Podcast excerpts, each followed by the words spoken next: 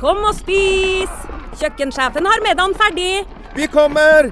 Vi skal bare Åh, det er da så morsomt her på Stiklestad! Ja, men sjøl en god viking må ha både mat og hvile. Og dessuten kan dere nå være noen dager. Velkommen til Scandic Stiklestad. Moderne fasiliteter i historiske omgivelser. Det var her det skjedde. Det er her det skjer.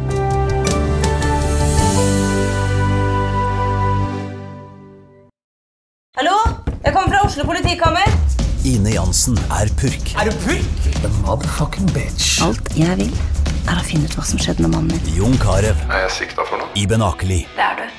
Ole So, Lars Berrum og Big Daddy Karsten. Hvem sin side er du på, egentlig? Anette Hoff, Tone Danielsen, Kommer du fra Afrika? Jørnis Josef, Nesten. Kløfta. Trond Espen Seim, Det er synd å si det, men det var feil mann som døde. Purk. Premiere tirsdag på TV2 Play.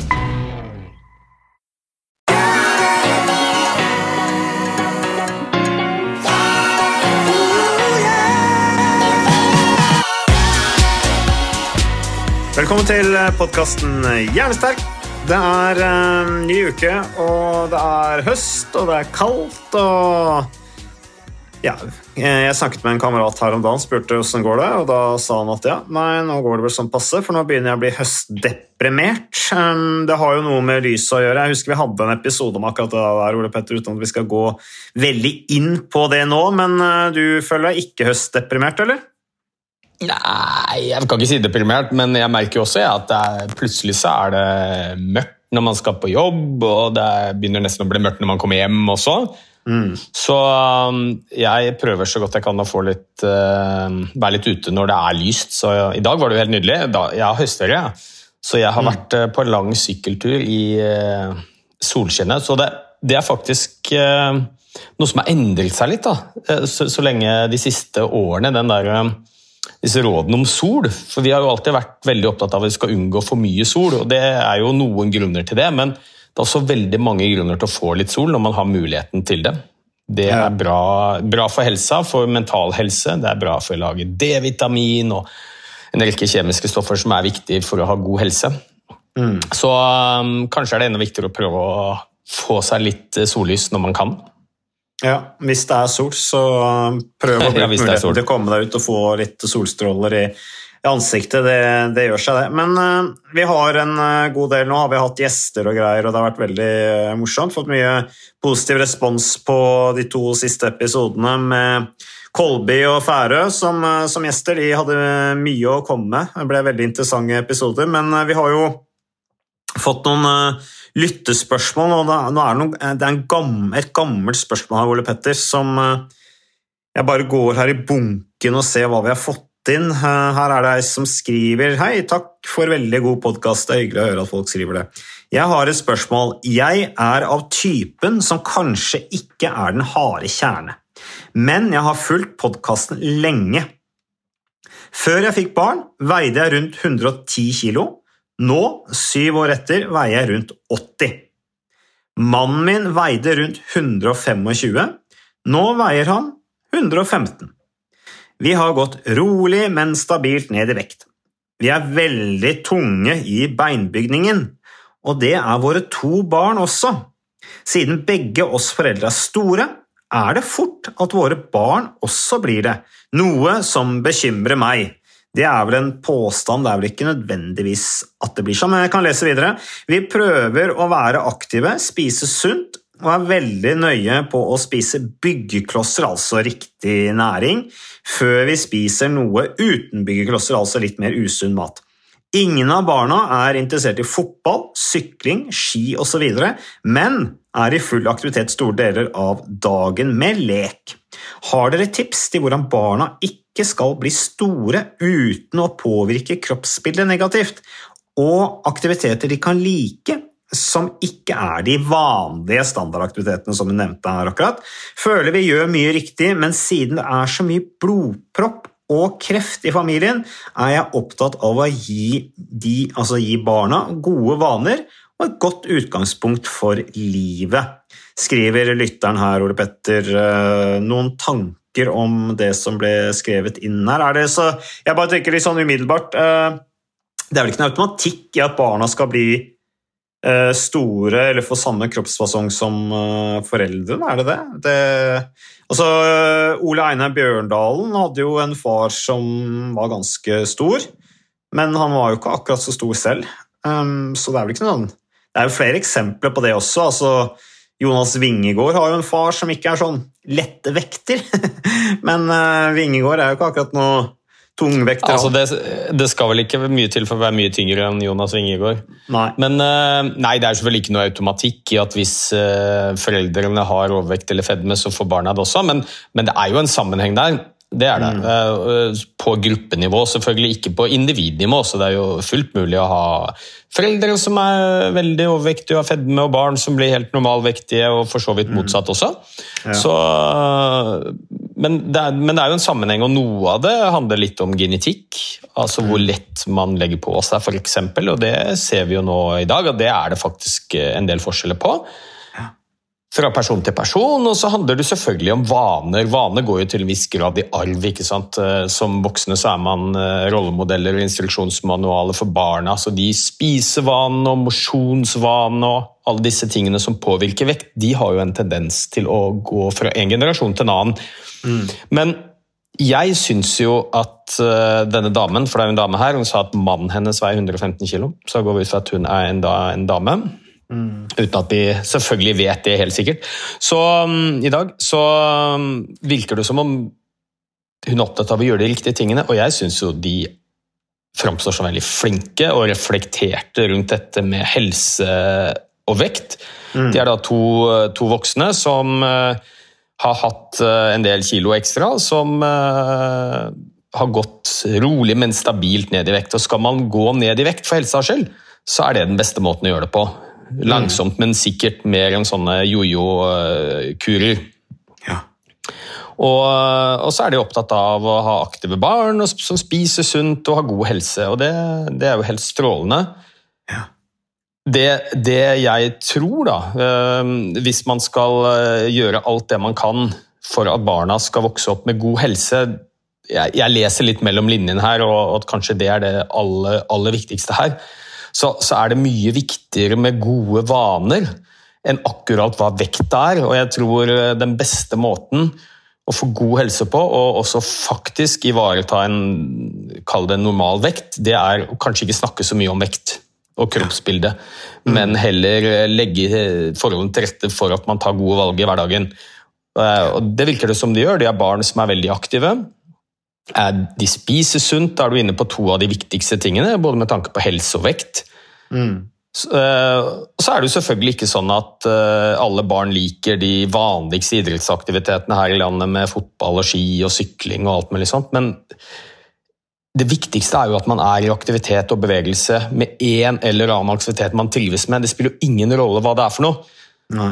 Så jeg har ikke noe fasitsvar på hva, hvilke aktiviteter man skal velge for barn som ikke liker fotball, sykling eller ski. Det eneste jeg vil si er at ikke velg fotball, sykling eller ski. Nei, ikke sant? ikke sant? Jo, men, men, det er det jo mange Vi er jo litt sånn tradisjonelle i Norge, og, og det er mange som eh, og jeg er ikke noe annerledes. ikke sant? Man tenker ja, Fotball det driver nesten alle med, da bør ungene også begynne å spille fotball. Det er ikke alle som mm. liker fotball! Nei. Så da bør de velge noe annet, og jeg har veldig lite tro på å tvinge barna til en aktivitet de ikke trives noe særlig med. Det kan funke en liten stund, og så, og så slutter de, og så får de kanskje et negativt forhold til det å være i aktivitet. Så jeg mm. opplever nå at denne moren eh, gjør veldig mye riktig. Har fokus på aktivitet og spise sunt, og prøver kanskje å snakke minst mulig om vekt. Mm. Tror jeg. Det Ja. Ja, eh, det har vi sagt mange ganger i denne podkasten her, eh, men det er kanskje en stund siden vi har sagt det nå, at eh, vi er ikke noe sånn veldig Altså, jeg har i hvert fall sagt det, at det der med jeg, jeg går aldri på vekta. Men jeg vet jo hvilke perioder der jeg har levd mer eller mindre sunt. Men det er som du sier, det der med, med gode vaner. Har man gode vaner, så går det alltid an å justere seg litt inn innimellom. Og, og ikke minst også kobla innimellom. Eh, men det er liksom når du når, når, når, når det blir regelen snarere enn unntaket at du spiser usunt og beveger deg lite, så, så, må man jo gjøre en større livsstilsendring, og det er jo vanskelig, ikke minst med det du sier også, at har du først gått opp i vekt, det er jo flere som sier det også nå, at så er det veldig vanskelig å justere seg inn igjen, fordi kroppen prøver hele tiden å komme tilbake opp i den tyngste vekten du har vært. Så, men, men, jeg er helt enig her med, med innsenderen her, som er, eh, veldig, virker jo veldig bevisst og reflektert og, og, og, tenker mye over det. Men akkurat når det gjelder aktivitet til barna, altså sykkel er jo fint. Altså Hvis begge foreldrene er litt tunge, er det noe de kan gjøre sammen, så er det jo nettopp å sykle, f.eks. Du ja, har jo kjøpt Er det ikke du som har kjøpt elsykkel til sønnen din? Nei, du, Eller var det, det han jeg snakka med? Nei da, du, jeg har snakket om det, jeg har bare ikke ja. kommet så langt. Men, men, her er jo sykling en av aktivitetene som moren sier at mm. barna ikke er interessert i. Ja, det, det, det, klarte jeg bare ikke å forstå. Det, det, hørte jeg bare ikke. Så det, Nei, det er vanskelig for deg som sykler. Så, så ser jeg det nå. Ja. Men eh, ja. ok, sykle er ikke poppis. Men gå tur i skogen? Altså, det altså, på, er jo kjempehyggelig. Poenget mitt er jo at det spiller fint liten rolle i utgangspunktet hvilken aktivitet barna driver med, eh, så mm. lenge det er noe de syns er litt ok, og noe som gjør at de får eh, beveget seg litt. Det eneste du klarer å holde fast ved over tid, er noe du syns er litt gøy. For noen er det sykling, for andre så kan det være å gå i skauen eller leke med kompiser på Løkka. Altså, det spiller jo ingen rolle. Poenget mitt er at det må være noe du trives med. Du kan ikke tvinge eller Du kan jo selvfølgelig gjøre det, tvinge barna dine mm. til å gå på en aktivitet de ikke trives noe særlig med, men det, det er lite bærekraftig over tid. Så, ja. så, og så er det jo litt lett da, for deg og meg, som er normalvektige, nå skal jeg være litt djevelens advokat og si at vi bryr oss ikke om vekt. Nei, Nei men, men, men, men, hvorfor skulle du bry deg om vekt? Du ser deg jo selv i speilet og ser jo at du er normalvektig. Mm. Og er sikkert fornøyd med den kroppen du har. Det er det ikke alle som er. Så, eh, og det er veldig stigmatiserende å ha høy vekt, det skjønner jeg, og det kan føre til helseproblemer, alt fra at man er sliten, ikke orker så mye, til slitasje i ledd, mm. til økt risiko for sykdom. Så jeg har jo full forståelse av at veldig mange er opptatt av vekt. Mm. Eh, jeg tror allikevel at eh, den beste måten å få vekten ned på, hvis det er viktig for deg å gå ned i vekt, f.eks. av helsemessige årsaker, så kommer du lettere ned i en lavere vekt hvis du fokuserer minst mulig på vekten. Mm. Altså Du fokuserer mer på å bevege deg, prøve å spise rimelig sunt, få nok søvn, kjempeviktig. Disse tingene Istedenfor å veie deg for ofte og, og tenke for mye på BMI.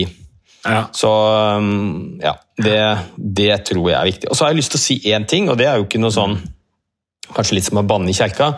En av tingene som står her, er jo at vi er veldig tunge i beinbygningen. Og det er jo noe jeg hører veldig ofte. Mm. Men det er jo faktisk sånn at beinbygningen vår den er ganske identisk. Når du gjør studier av eh, menn og kvinner, f.eks. avdøde, og så tar vi og ser på skjelettet og veier det, og du tar f.eks. 50 eller 60 eller 70 år gamle menn og kvinner, f.eks. en aldersgruppe på menn 70 år, og så ser du da på menn som er samme alder når de døde, samme, samme vekt, så ser du at det er nesten ingen forskjell på vekten i skjelettet. Altså de som har det letteste skjelettet, har kanskje 500 gram lettere skjelett enn de som har det kraftigste skjelettet. Altså Skjelettet vårt utgjør en forsvinnende liten andel av den totale vekten vår. Hvis du er en voksen person, så veier skjelettet ditt et eller annet sted mellom 2,5 til 4,5 kilo. Det er nesten ingenting. Nei. Sånn at Det er marginale forskjeller i størrelsen på skjelettet vårt. Så det er faktisk ikke noe som heter tung beinbygning. Okay. Eh, men det kanskje mange snakker om, er jo at noen bygger lettere muskel, noen legger lettere på seg, og at man blir da litt mer kompakte. Eh. Så det er nok eh, reelt. Men akkurat beinbygningen er ganske lik hos de aller fleste av oss.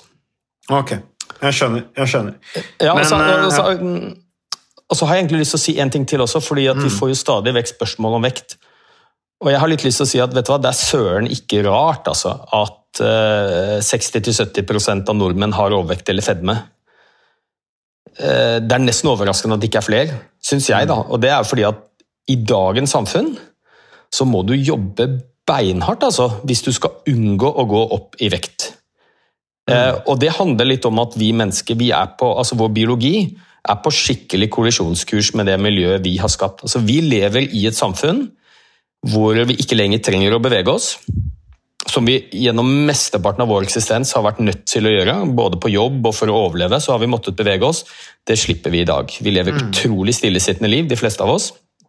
Og så har vi fri tilgang på mat, som vi egentlig gjennom mesteparten av vår eksistens selvfølgelig ikke har hatt. Sånn at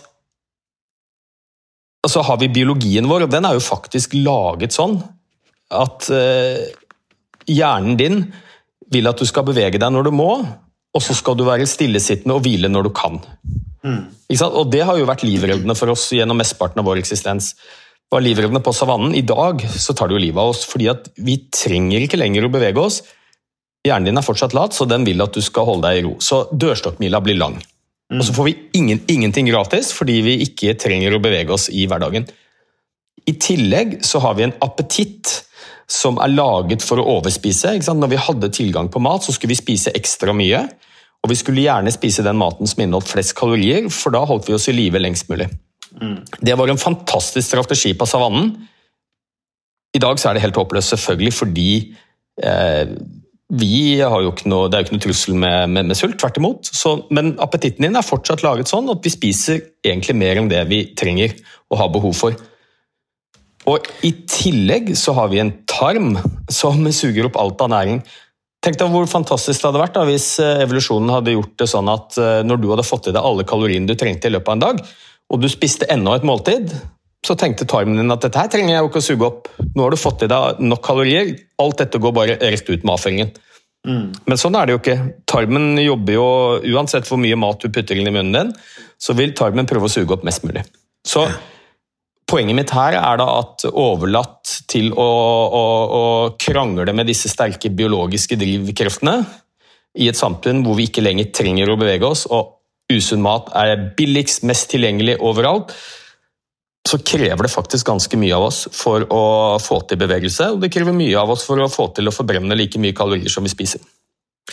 Ja, eh, jeg satt og tenkte litt på Det er veldig interessant det du sier der, Ole Petter. Altså det der med sant, at vi har den der late hjernen som du kaller det, at vi er programmert for å hvile, for det, eh, det var livsnødvendig for å overleve når vi levde virkelig tøffe liv ute i hulene og måtte ut og jakte maten vår sjøl.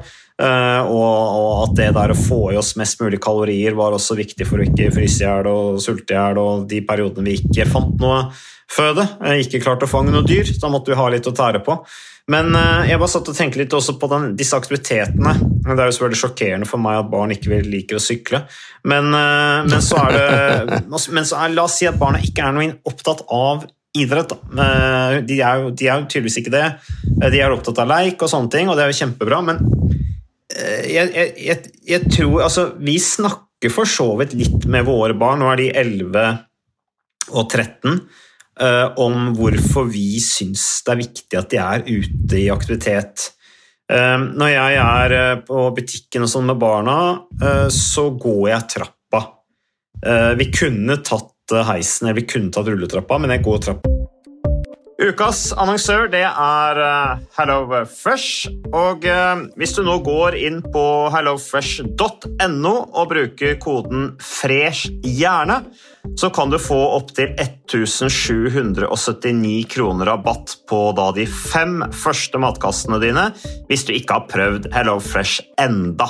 Og Ole Petter, vi er jo glad i HelloFresh i podkasten Hjernesterk, eh, selvfølgelig fordi at de er en annonsør. De er med og bidrar til å spre det glade ordet om fysisk aktivitet og god helse. Men i tillegg så har jo vi også nå lang erfaring med HelloFresh Fresh selv. Så vi må jo si at det har vært gode erfaringer til nå. Ja, absolutt. Visste du, Mats, at HelloFresh er faktisk verdens ledende matkasseleverandør? Og tilbudene til HelloFresh gjør det enkelt å lage gode og varierte retter som skaper matglede.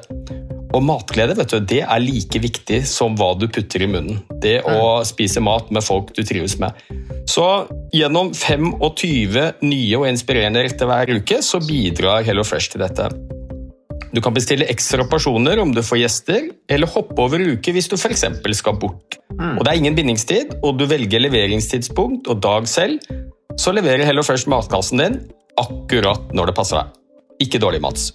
Nei, det er veldig bra. Så, eh, og dette er med enklere hverdag, det kan jeg nå skrive under på. For nå, forrige erfaring vi hadde forrige uke, Ole Petter, det syns jeg var Det var jo et gjennombrudd eh, for familien Kaggestad. For da lagde rett og slett barna De lagde middag og serverte middagen, så den var ferdig laget og servert da når eh, min kone Marita og meg kom hjem fra jobb.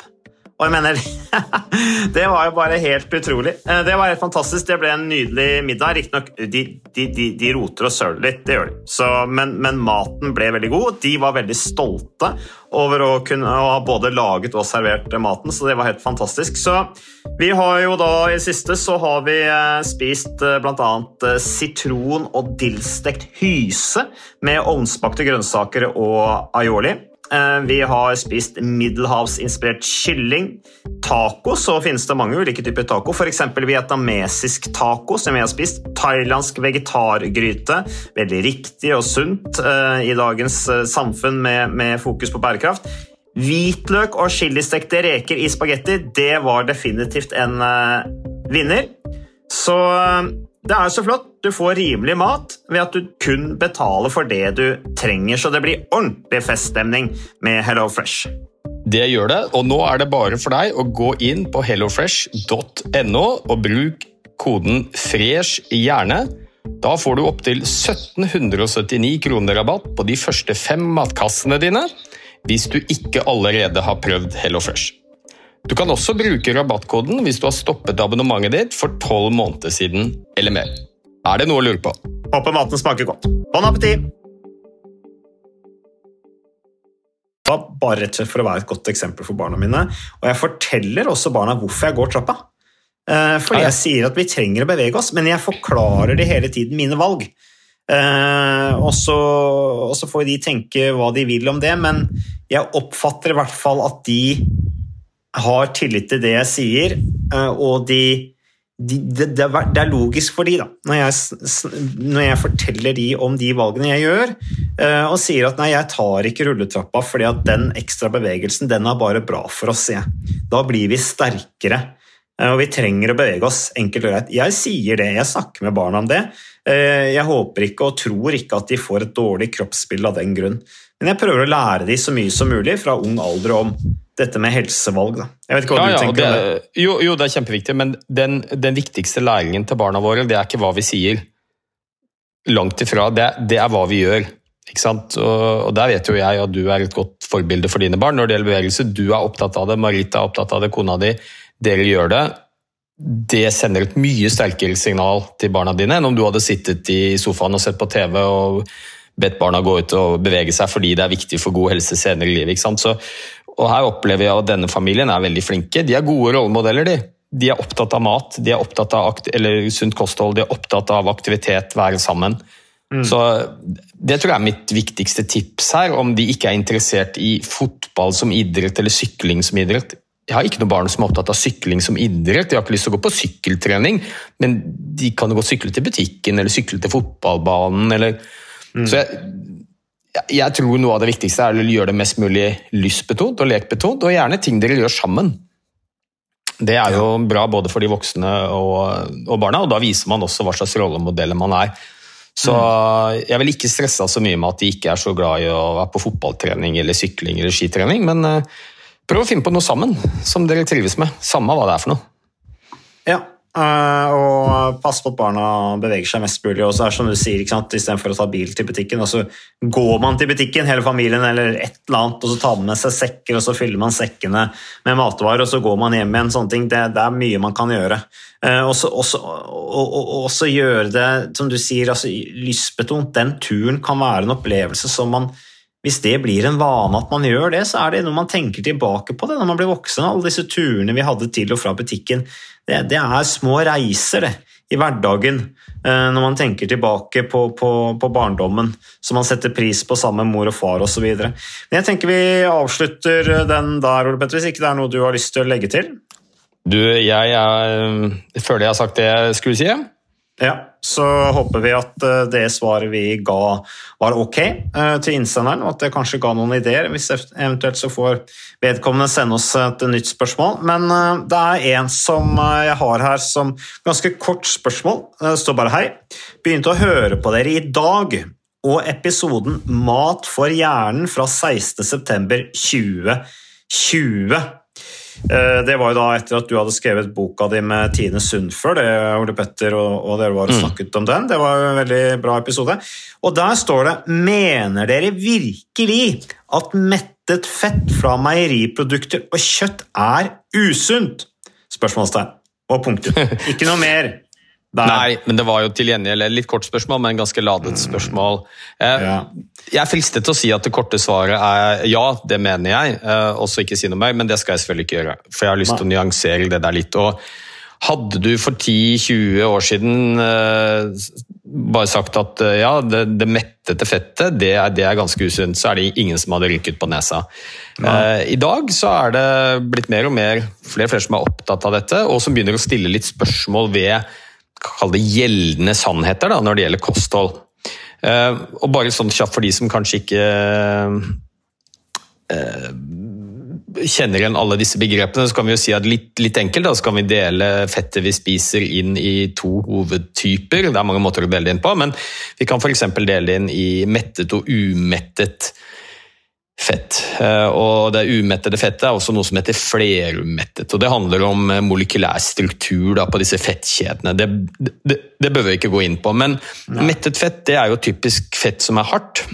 Det vil si at det ikke er flytende. Det er, det er smør, det kan være fete meieriprodukter, det kan være fett fra animalske produkter som pølser og hamburgere og fettrandet på kotelettene dine. Ikke sant? Det, det er det mettete fettet. Og, og det umettede og flerumettede det er gjerne flytende fett. Det kan være planteolje, soya, oliven, raps, solsikke osv. Um, Det kan være fett fra avokado, fra nøtter, det fra fet fisk, disse omega-3-fettsyrene.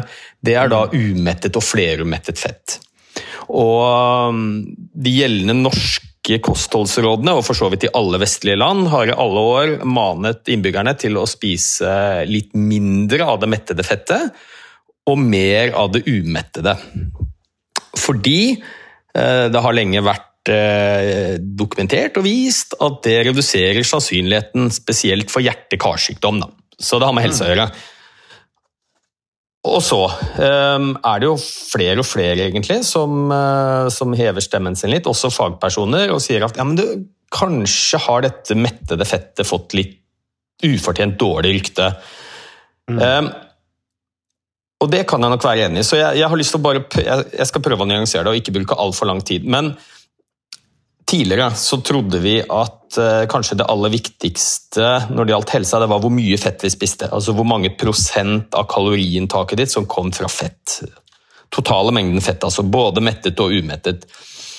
Og så har vi blitt mer og mer klar over at den totale mengden i fettet ditt, eller den totale mengden fett i kostholdet du spiser, har ikke nødvendigvis så mye å si for risikoen din for å bli syk. Men det som har noe å si, er sammensetningen av det fettet du spiser.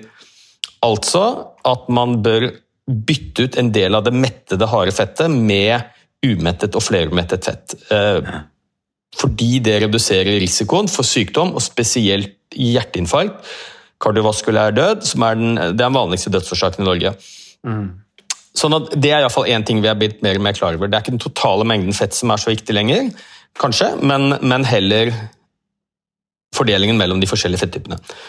Så Det er det ene. Og det andre er nok at eh, det mettede fettet kanskje har fått Kanskje er det ikke fullt så farlig som det vi har trodd. Men Og her kommer mennet. Hvis du ser på summen av all den forskningen som er gjort, og det er veldig mye, så er det ingen tvil om at hvis du ønsker å redusere sannsynligheten din for å få hjerte-karsykdom, altså spesielt hjerteinfarkt, men også til en viss grad hjerneslag, og forhindre tidlig død, så er det et lurt grep å bytte ut noe av det mettede fettet, harde fettet, med sunnere fett, flerumettet plantefett f.eks., omega-3-fettsyrer. Eh, og det er det mye dokumentasjon på. Eh, og så er det noe av dette her som er litt sånn indirekte. Blant annet så ser vi jo at eh, det er betydelig redusert risiko for å få hjerteinfarkt i dag, sammenlignet med hvordan det var for 20-30 år siden. Og, og det har fulgt helt nøyaktig reduksjonen i kolesterol og inntak av mettet fett i befolkningen. Altså, vi har spist mindre mettet fett, vi har spist mer sunt fett, vi har fått lavere kolesterol, og da har også risikoen for å få hjerteinfarkt blitt redusert. Det er ikke noe bevis, altså. det er bare en assosiasjon. Ser, det er ikke nødvendigvis en årsakssammenheng, men det er en indikasjon. Ja. Eh, og så ser vi også, og det er helt tydelig, for nå tenkte jeg skulle dokumentere litt dette også, så jeg ikke bare påstår noe uten å det skal være kunnskapsbasert. Eh, når vi ser på de aller største studiene i verden, da snakker vi om rundt en million mennesker som følges opp, så ser vi at det er et lineært forhold mellom hvor høyt nivå du har av det dårlige kolesterolet, det som heter LDL, og risikoen din for å få et hjerteinfarkt. Sagt på en annen måte, sagt på en annen måte jo høyere nivå du har av det dårlige kolesterolet, jo større sannsynlighet for å få et hjerteinfarkt. Og så vet vi veldig godt at mettet fett øker det dårlige kolesterolet. Mm. Eh, og så er det kanskje det aller beste dokumentasjonen. Det er store både observasjonsstudier og ikke minst det vi kaller randomisert kliniske studier, som rett og slett er at du tar en stor gruppe mennesker, og så gir du de mettet fett. Og så tar du en stor gruppe mennesker og gir de en større andel av umettet fett, og så følger du de over tid, og da ser du at du får ca. 20% reduksjon i risikoen din for å få hjerteinfarkt hvis du bytter ut en del av det mettede fettet med det umettede fettet. Mm. Så, og, og, så er det jo selvfølgelig sånn at det er ingen fasitsvar i medisinen, og en medisinsk sannhet den har omtrent en levealder på syv til åtte år. Og er det ett eh, fagfelt som virkelig er i rask endring, så er det dette med ernæring og mm. kosthold. Så det kan godt tenkes at når, hvis vi spiller en, en ny episode av Hjernesterk om syv år, Mats, at vi må krype til bords og si at vet du hva, Vet du hva? Vi tok feil. Det var faktisk det mettede fettet som var sunt. Men mm. hvis vi skal være kunnskapsbaserte, og det har jo både du og jeg et ønske om å være, så må vi bruke det beste verktøyet vi har, og det er summen av all den forskningen som er gjort. Eh, og den viser klart og tydelig at i valget mellom mettet og umettet fett, så vil du redusere sannsynligheten din for å bli hjertesyk hvis du spiser litt mer umettet fett og litt mindre mettet fett. Men det mm. mettede fettet er, mettede fettet er kanskje ikke like farlig som vi trodde, og det er ikke lenger den totale mengden som kanskje spiller så stor rolle.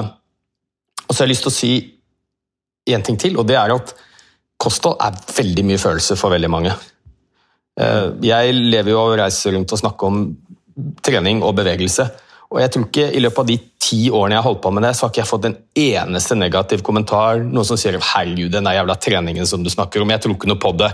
Her ser jeg en studie som viser at når du trener, så får du ikke noe lavere risiko for depresjon. Og de studiene finnes, men det er mm. mange flere studier som viser det motsatte. Så det er på en måte ingen som stiller noe spørsmålstegn ved det, og det er lite følelser involvert i det. Men med en gang vi begynner å snakke om mat, da handler det ofte mer om religion enn om vitenskap for veldig mange. Mm. Vi har så mye følelser knyttet til mat og, Det handler nok mye om at eh, vi må alle spise. Alle må forholde seg til kosthold. Vi behøver ikke å forholde oss til trening hvis vi ikke vil. Du kan bare putte på skylappen og tenke at trening er ikke noe for meg, jeg driter i det, jeg lever livet mitt uten å trene. Ja. Du, kan si, du, kan ikke si, det om mat. Eh, og, og, jeg tror jo også, nå er det også kanskje litt å banne i kjerka, at det er nok ganske mange som gjerne skulle ønsket at det mettede fettet var sunt. Mm. For det er jo det fettet hjernen vår eh, liker best. F.eks. alle bøndene som produserer storfekjøtt og svinekjøtt. Og, ikke sant? Ikke sant? Altså, det er mange som lever av dette i Norge også. og, og mm. Sånn at um, jeg tenker at Det beste verktøyet vi har for å prøve å ikke ha altfor mye følelser i dette, og la det være vitenskap heller enn religion, det er å se på summen av den forskningen som er gjort. Og Den, den kan, kan, du faktisk ikke rokke ved. Hvis du ser på den, så så ser vi klart og tydelig at uh, det har noe for seg å, bytte ut noe, ikke alt selvfølgelig, men noe av det mettede fettet med, med litt mer umettet og flermettet fett. Mm. Og den aller verste typen fett, men det kan jeg bare nevne det også, det er det vi kaller transfett. Som er industrielt fram uh, Altså laget fett som uh, man lager for å øke holdbarheten på en del varer, kaker og kjeks osv. Det er den klart verste typen fett. Mm. Ja, så, så, jeg mener ikke at det er livsfarlig å spise litt mettet fett. Du må gjerne gjøre det. Men uh, for de aller fleste nordmenn så vil det gi en helsegevinst hvis du tar noe av det mettede fettet. Kanskje istedenfor å bruke smør på brødskiven, så kutter du det ut. Eller istedenfor å steke med smør, så steker du med oljer. Så vil det gi en helsegevinst. Ja, jeg tror jo erkjennelsen vi har fått de siste 10-15 årene, er at fett ikke er så usunt som det det en gang ble eh, trukket fram at det var, eh, men at det er ulike typer fett, og noen typer fett er sunnere enn andre typer fett. Og Det syns jeg du har beskrevet eh, bra her på, som svar på det spørsmålet korte spørsmålet vi fikk da, eh, fra ja. en ny lytter som da har bladd tilbake i eh, arkivet og lyttet på ulike podkaster laget for et par-tre år, par, år siden, faktisk. Veldig glad i å lage lange svar på korte spørsmål. Og så er det en liten ting til som kan være verdt å nevne. og det er jo at uh, Nå har vi ikke snakket noe om vekt her, men det er klart at fett i seg selv inneholder jo mye, mye kalorier. Så når jeg sier at den totale mengden fett i kostholdet ditt kanskje ikke er så viktig, men det er sant, forholdet mellom mettet og umettet fett som er viktig, så er det en sannhet også med litt modifikasjoner. For det er klart at hvis du spiser en veldig stor andel av energien din kommer fra fett, så er det økt sannsynlighet for å gå opp i vekt også. og Det er jo ikke nødvendigvis bra for helsa. Men så er det jo mange av de samme personene da, som sant, er uh, Du kan nesten kalle det sånn new age da, når det gjelder dette med mat. At de spiser større måltider mer sjeldent, men med ganske mye kalorier, blant annet. Ikke sant? Eh, biffmåltider til frokost og, og videre. Jeg så jo Pimp Lotion, han rapperen vi snakka om, han som teiper munnen når han er ute og løper. Eh, han er jo også en av de som spiser veldig kaloririk mat, men spiser færre måltider. og Det er jo litt det som Dorke Færø snakket om, Mari Kolby snakket om. Eh, men hvis man skal få til det, så må man er det da du, du, du må spise litt tyngre måltider for å kunne holde den, eh, den fasten uh, over lengre tid, eller holde deg innenfor disse spisevinduene som det snakkes om. Ja, da, også, altså, må vi alltid komme tilbake synes jeg, da, til dette med, med trivsel. fordi hvis noen hadde spurt deg og meg, Mats, hva er det perfekte treningsopplegget for å redusere sannsynligheten for å bli syk, for å leve lengst mulig, ja, så hadde det kanskje vært ti-tolv eh, timer i uka, ikke sant? med masse knallhard intervall og trening som vil være helt utopi og ikke ønskelig og, og for mesteparten av befolkningen. Ikke sant? Så vi må jo prøve å finne noe som funker. Mm. Noe som du kan klare å leve med og som du får til i hverdagen. og da er kanskje et par-tre ganger i uka med trening mer enn godt nok. Og så tror jeg vi må tenke litt på kosthold også. Ikke, ikke tenke altfor mye på hva som er det perfekte kostholdet. Mm. For det er det jo ingen av oss som får til. Og jeg tror ikke vi har lyst til det heller. Det må være litt trivsel her. Du må finne noe mat du trives med og som du ikke bare kan klare å holde fast ved en uke eller to uker eller en måned, men som du kan tenke deg at det kostholdet jeg har nå, det er jeg fornøyd med, kan jeg klare å, å holde på med det om et år også? Ja. Hvis, hvis svaret er nei, så burde du kanskje gjøre noen endringer. Vi må ikke bli altfor opptatt av hva som er best dokumentert og gir den laveste risikoen for sykdom og høyest risiko for god eller sannsynlig for god helse. Det må være noe vi får til i hverdagen, ellers er det ikke noe poeng. Nei. Jeg tenker det var siste ord i den saken, Ole Petter. Takk til eh, lytterne våre som eh, sender inn spørsmål. Um, takk til deg, Ole Petter. Takk til Moderne Media. Takk til våre samarbeidspartnere. Vi er tilbake med mer eh, Jeg skulle ikke si Hello Fresh, men jeg mente um, podkasten Jernsterk neste uke.